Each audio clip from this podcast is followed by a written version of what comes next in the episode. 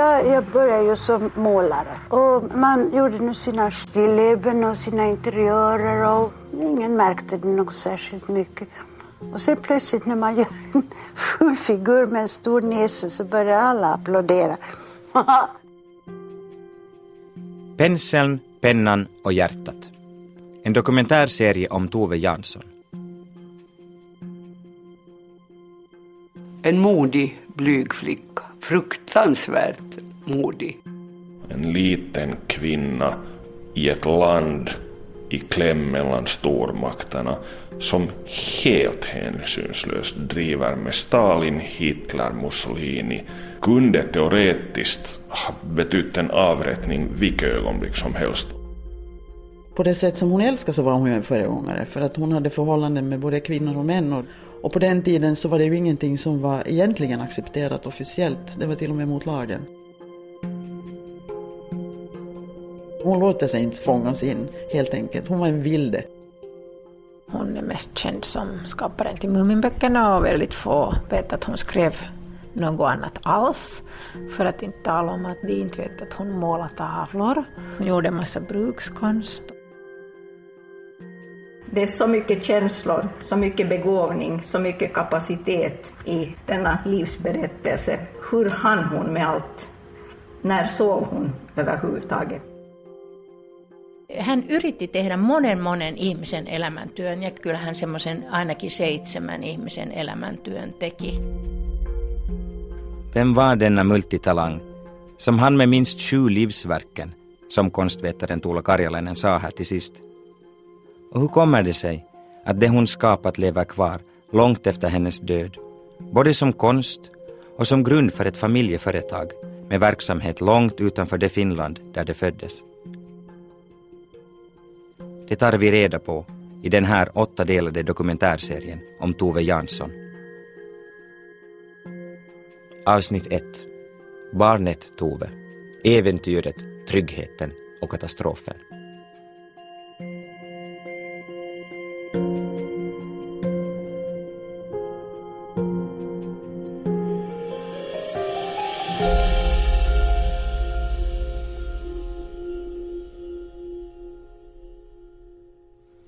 Trist och blåsig augustikväll för länge sedan fann man en enkel torgpåse på trappan till Hittebarnshuset för Mumintroll.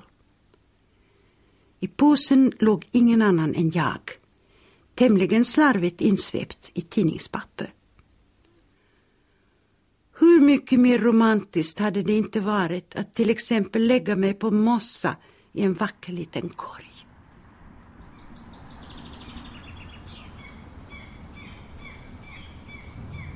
Tove Jansson läste här ur sin bok Mumipappans memoarer. Hennes egen ankomst till världen är mer idyllisk än Muminpappans. Men världspolitiskt är det en orolig tid. Den 9 augusti 1914, när Tove föds, är tidningen Huvudstadsbladet fylld med skriverier om det stora världskriget som brutit ut bara en vecka tidigare. Landet i allvarligt läge på grund av krigstillståndet enastående tillfälle att förse sig med moderna höstkappor till under halva priset i anledning av den rådande svåra tiden.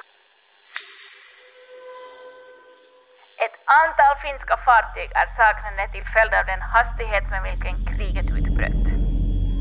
Nu har även Österrike-Ungern, den första upphovsmannen till det nu rådande världsvirrvarret, mitt under djupaste fred dragit sitt svärd mot det svaga Serbien.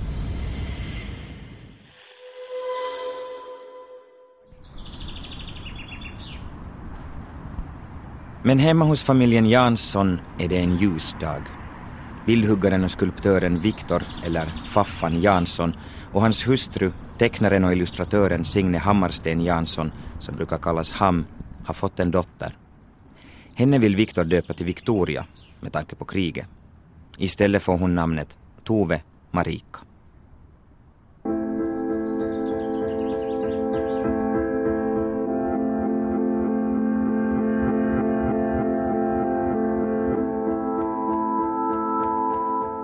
Familjen Jansson bor i stadsdelen Skatudden i en konstnärsateljé högst uppe i ett jugendhus med utsikt över tinnar och torn.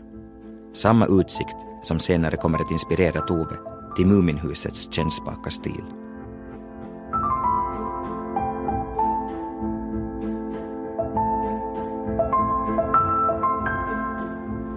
Vi bodde ju i en ateljé.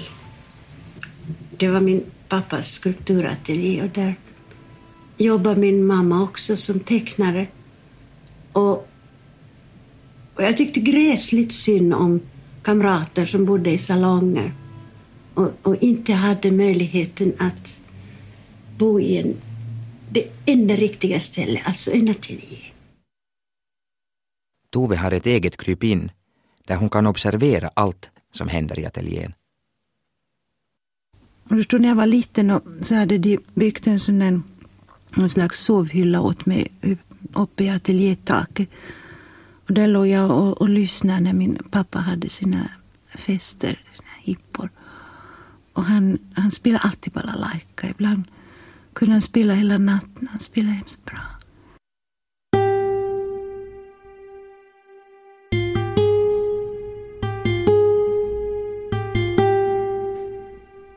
I en av sina noveller beskriver Tove barnets upplevelse av att vakna till pappans fester mitt i natten.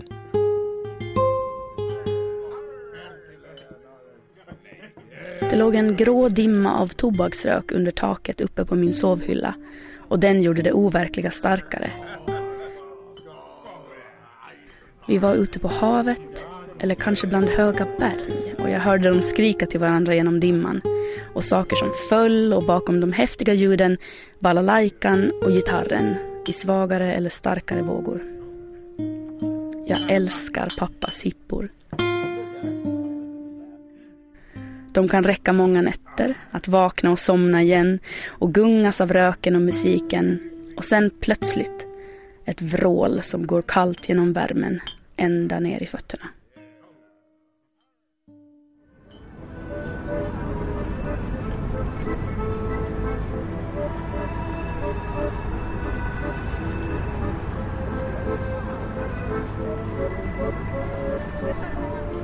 Toves barndoms Helsingfors är betydligt mer mångkulturellt än vi kanske förstår idag. Något som säkert har påverkat hennes värderingar. På Salutorget, ett stenkast från familjen Janssons hem, kan man köpa strömming på minst fyra olika språk.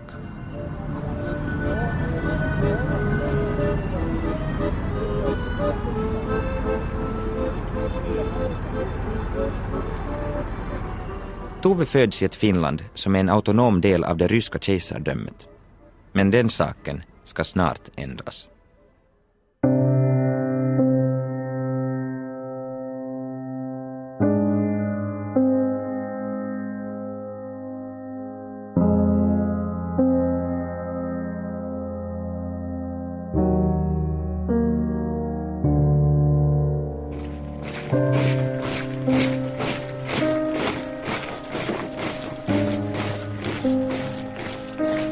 Min älskade lilla Signe, nu ska din man ut i strid. Gud hjälpe oss och våra vapen. Kanske jag aldrig ser dig mer.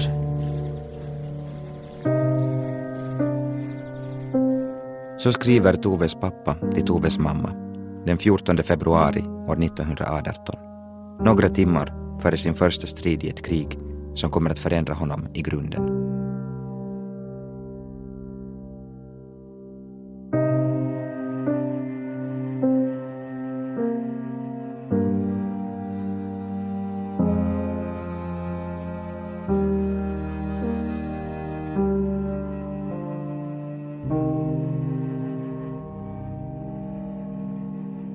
Några månader tidigare har ordförande för den finska senaten, Per Edvin Svinhuvud, utropat Finland självständigt efter att det ryska kejsardömet har kollapsat. Finlands landtag har den 15 sistlidna november i stöd av paragraf 38 i regeringsformen förklarat sig inneha högsta makten Härigenom har Finlands folk tagit sitt öde i egna händer och de närvarande förhållandena... Men nästan genast faller den finska nationen sönder i ett blodigt inbördeskrig.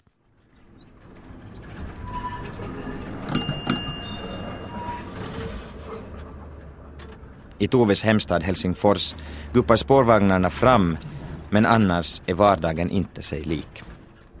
Krigstillståndet leder till stor matbrist och i stadens parker och boulevarder odlar man potatis.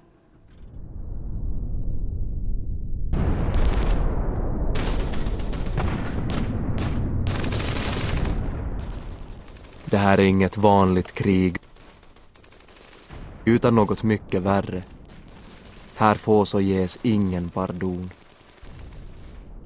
Efter en blodig krigsvår segrar den vita högern, som Faffan stridit för, över de vänstersinnade rödgardisterna. Men ännu flera månader efter freden dör tusentals rödgardister av hunger och sjukdomar i undermåliga fångläger.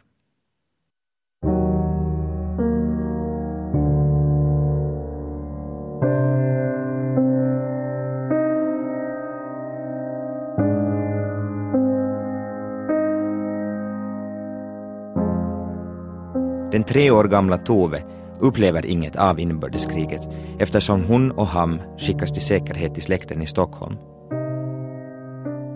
Men den nyfödda nationens sår kommer att ta lång tid att läka och också påverka familjen Jansson. Me kannetaan vielä sitä aikaa, mitä meidän vanhemmat on kokeneet. Ja Tuuvella niin yksi asia, mikä vaikutti häneen hyvin paljon, oli kansalaissota. Hänen isän kautta ja se vaikutti koko hänen perheeseen, koko hänen lapsuuteensa ratkaisevasti. Vi bär alla med oss den tid våra föräldrar har upplevt. För Toves del är inbördeskriget en nedärvd upplevelse som via hennes pappa avgörande påverkar hennes barndom och ska få henne att motsätta sig krig och våld i alla former. Det säger konsthistorikern Tuule Karjalainen som skrivit en biografi om Tove. Faffan ska i årtionden sympatisera med Tyskland som stött de vita i inbördeskriget. Det kommer senare att orsaka stora skismer mellan far och dotter.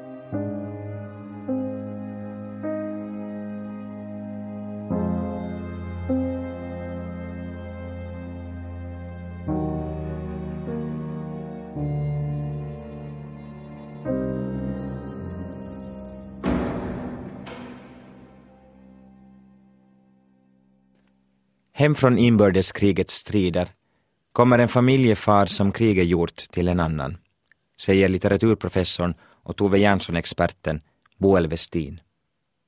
Hennes mamma sa att hon blev kär i och träffade då en, han var ju väldigt stilig, stilig, levnadsglad eh, ung man och att när han sen kom hem efter kriget, eh, det, var, det blev liksom inte detsamma mer, att han var så otroligt förändrad dyster och melankolisk. Men det finns en sak som ofelbart får Viktor Jansson på gott humör.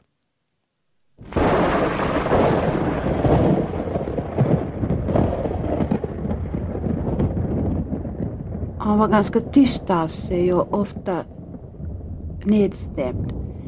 Men ser du, om det blev riktigt dåligt väder, en stor storm, så piggnade han till och blev alldeles glad och lycklig. Och då tog han ut oss i båten bara för att gunga i de största vågorna, i den allra farligaste udden. Han var glad, han, han skrattade, han var lycklig.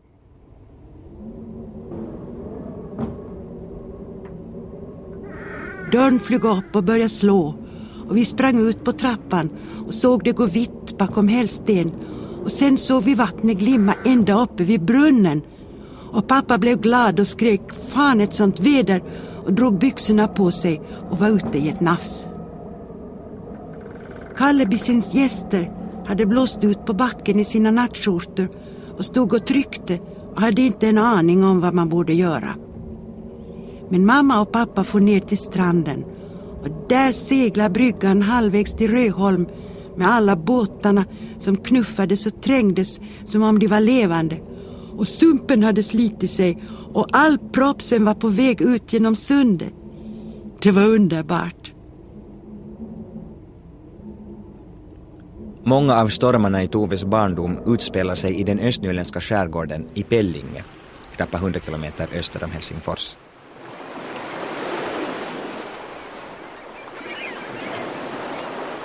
Ända sedan jag var en hemskt liten flicka så, så bodde vår familj här ute bland öarna. Och det har varit enormt viktigt. Jag skulle aldrig ha försökt mig på att skriva. Jag var ju bildkonstnär, inte sant? Om, om jag inte hade haft de här lyckliga somrarna här ute i Pellinge skärgården.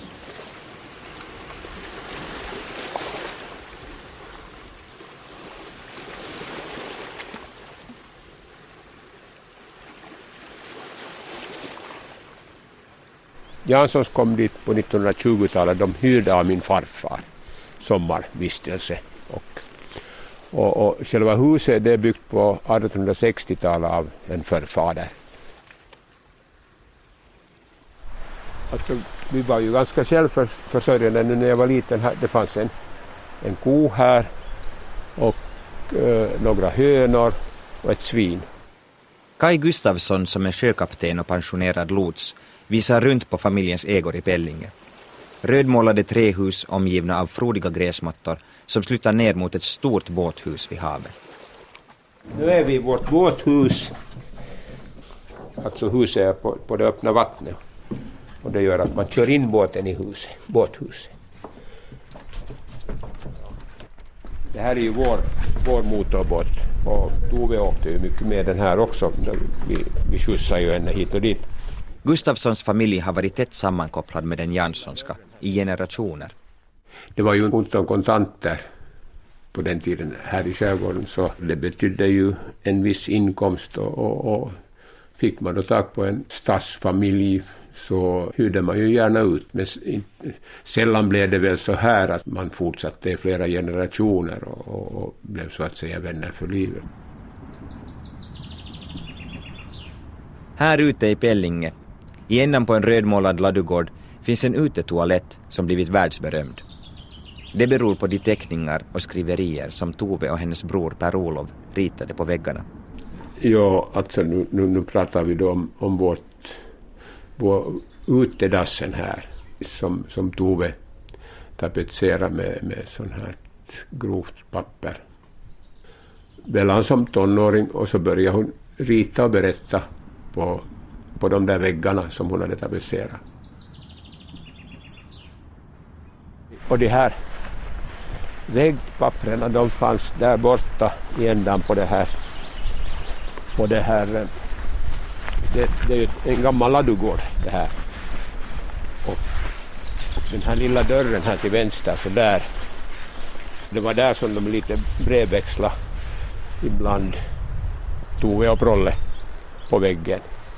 Det börjar vara lite ruttet men du kan, ska se, du kan ju nu titta in i varje fall. Så här, så här är det en, hur ska vi säga, tvåsitsig. Den här högra sidan var för mindre bakdelar och den vänstra för större. De ursprungliga tapeterna med syskonens teckningar är nedtagna. Men de finns reproducerade i ett intilliggande hus. Någonstans står här att konstnären är en fattig fan som går hundvik hela dagen. Det, det var säkert också av erfarenhet. Eh, den här tycker jag om. Det, det har ju blivit lite otydligt, men jag kan den utan till. Det vill säga, det är den elaka metmasken frågar tusenfotingen att hör du med vilket ben börjar du när du börjar gå? Och tusenfotingen kunde aldrig gå mera. De är ju som du ser delvis rivna det är tyvärr så att det var vi barn som gjorde det. På 50-talet kanske man inte tänkte på att det här är någon konstskatt. Och en konstskatt är det. För här finns faktiskt en av de första skisserna på den lilla figuren som senare ska göra Tove världskänd. Det heter inte ens Mumintroll ännu förstås, utan det är, utan det är Snork men kan du säga att det är... Den har betydligt smalare nos ja, det, det var nog inte riktigt, ben. det var inte riktigt utvecklad. Genom åren är det många som har velat beskåda skissen av Urmumin. Det har varit japaner här också på besök och för dem är Mumintroll ju väldigt viktigt och, och, och, de kommer ju in hit som om de skulle komma till en kyrka och bugar sig för världens första Mumintroll.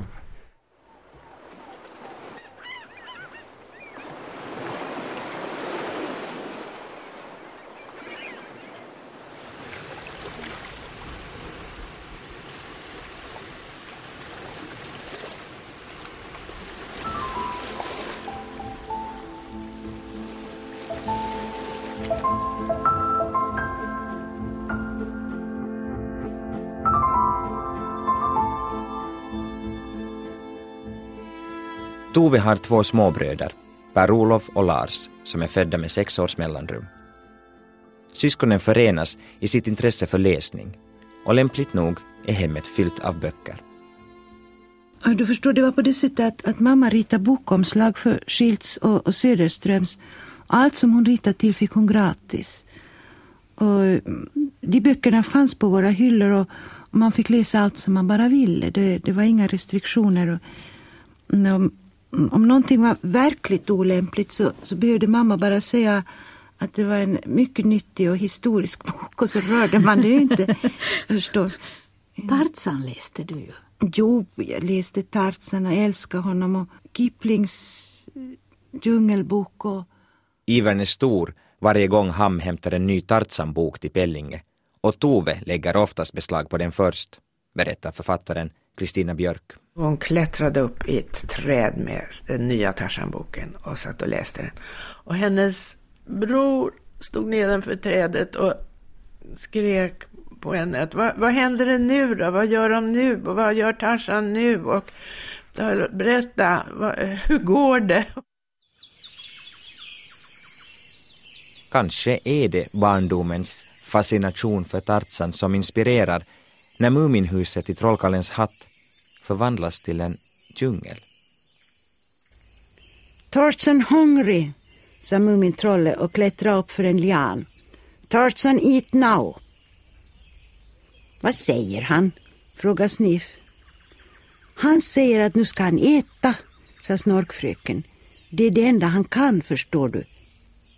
Det är engelska och talas av alla som kommer till djungeln.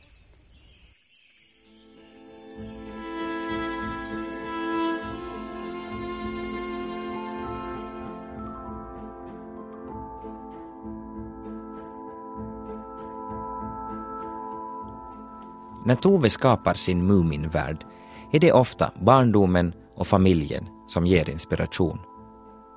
Jag tror att jag letar mig tillbaks till min barndom som verkligen var mycket lycklig.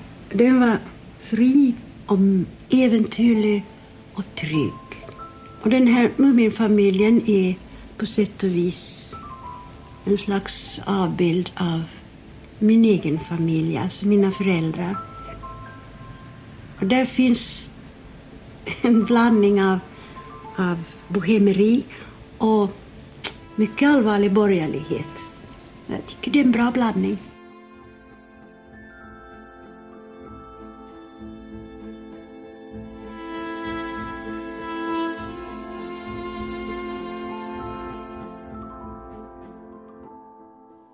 Toves personlighet formas i barndomskvarteren på Skatudden där fattiga konstnärer bor vägg i vägg med välbeställda borgare.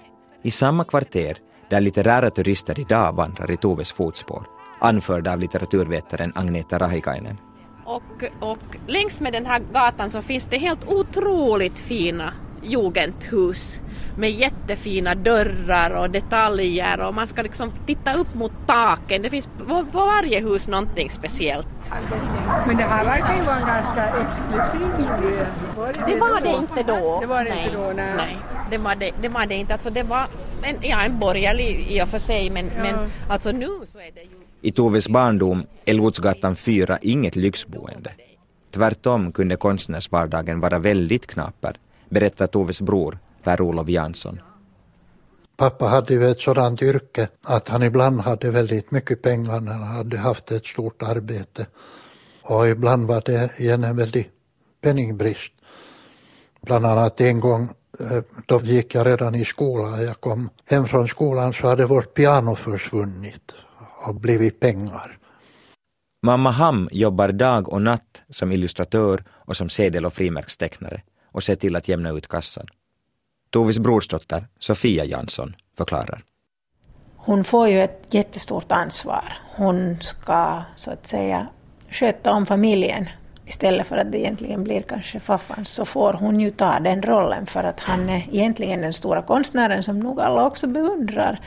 Och han måste lämnas i fred för, för sitt skapande men han får ju ta sig friheter som kanske inte hon fick ta sig mycket lite speglat i Muminpappan, i, i, tycker jag, Muminfamiljen. Tove börjar tidigt teckna och skriva historier.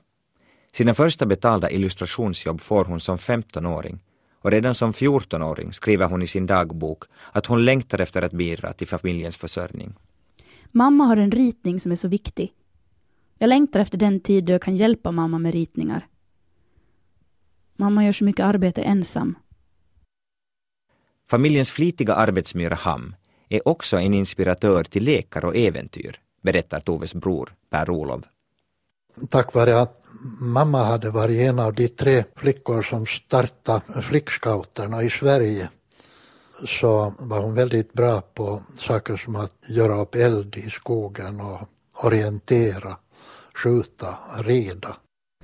För att pappa hade varit i krig så var det mamma som lärde mig att skjuta med gevär. Och hon lärde mig att orientera efter eh, mossan som växer på trädens norra sida.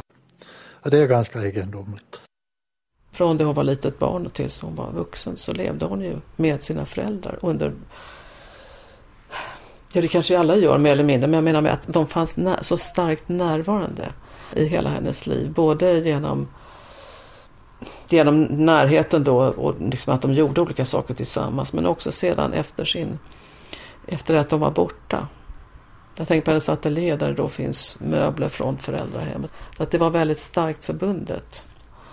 Hennes förhållande till föräldrarna var ju väldigt nära.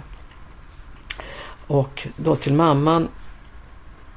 Hon skriver på något ställe att du är den, jag anar att du är den som förstår mig mer än någon annan.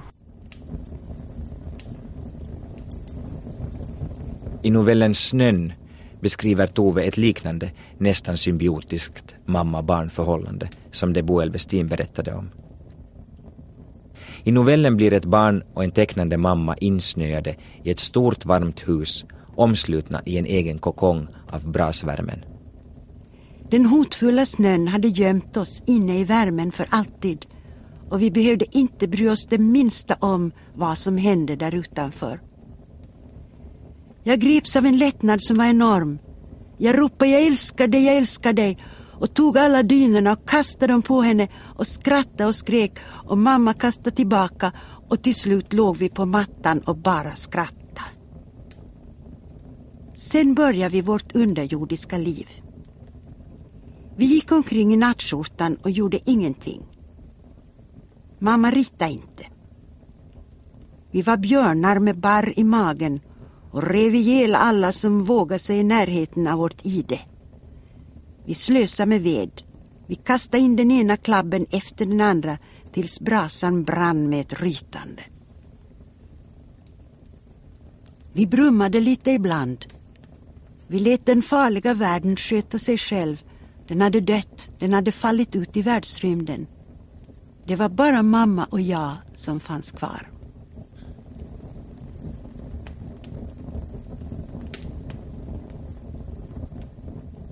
Medan relationen till Ham är harmonisk är Toves förhållande till pappa Faffan mer komplicerat. De älskar och värdesätter varandra högt, men råkar allt oftare på kollisionskurs. En sådan dust finns beskriven i novellen Båten, där en tolvårig flicka har bestämt sig för att ro runt hela Pellinge-arkipelagen.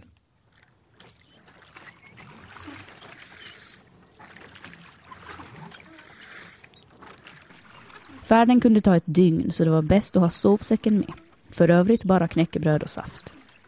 Som pappa säger, det får inte finnas ett enda onödigt föremål i en båt. Starten var fastställd till den 20 augusti och skulle ske absolut privat. Jag vet inte hur det gick till att mamma fick nos på det hela. Kanske såg hon att jag tog sovsäcken ur tältet.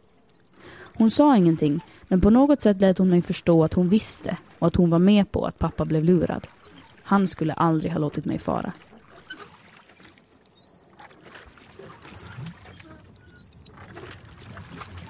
Så här berättar Per-Olof om händelsen, som utspelar sig nästan identiskt med novellen. Och när hon hade hunnit halvvägs så kom pappa hem och han blev utom sig av oro för sin enda dotter. Och han hoppade genast i vår lilla pentabåt och körde iväg och han upp henne halvvägs. Och jag tänkte att nu, nu blir Tove förtvivlad. Och det blev hon och det syntes på henne när de kom tillbaka. Och, och då, då stod jag där bara med armarna längs sidorna och kunde ingenting göra för att trösta henne. Jag borde ha gett henne en kram.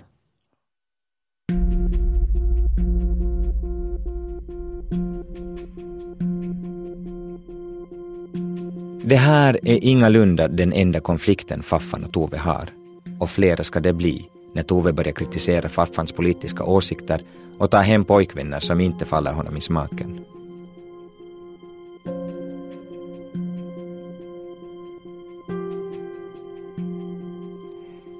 Bildhuggarens dotter börjar alltmer leva sitt eget liv och ännu har bara några blad vänts i den boken. Men hur ska två så starka personligheter och konstnärssjälar som Faffan och Tove kunna bo under samma tak? Och vad är det som till sist får Toves bägare att rinna över? Det får du höra om i kommande avsnitt.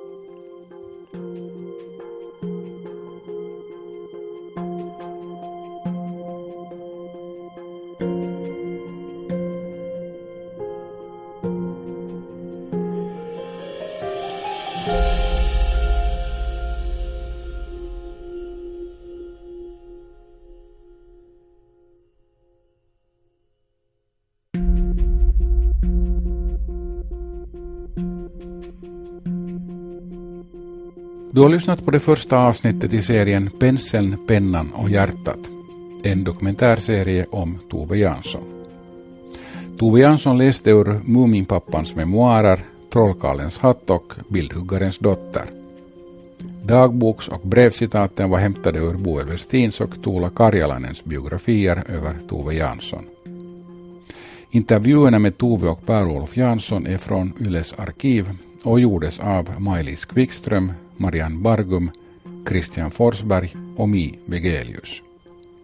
Alla övriga intervjuer var gjorda av Nanette-Marie Forsström och Kira Schröder, som också stod för research, produktion, klipp och regi. Berättare var Oskar Pöysti. Med uppläsning medverkade Jonas Forsbacka, Ida Kronholm, Johan Holmberg samt Kristel Patrik och Silla Schröder. Serien är producerad av Outhouse Media.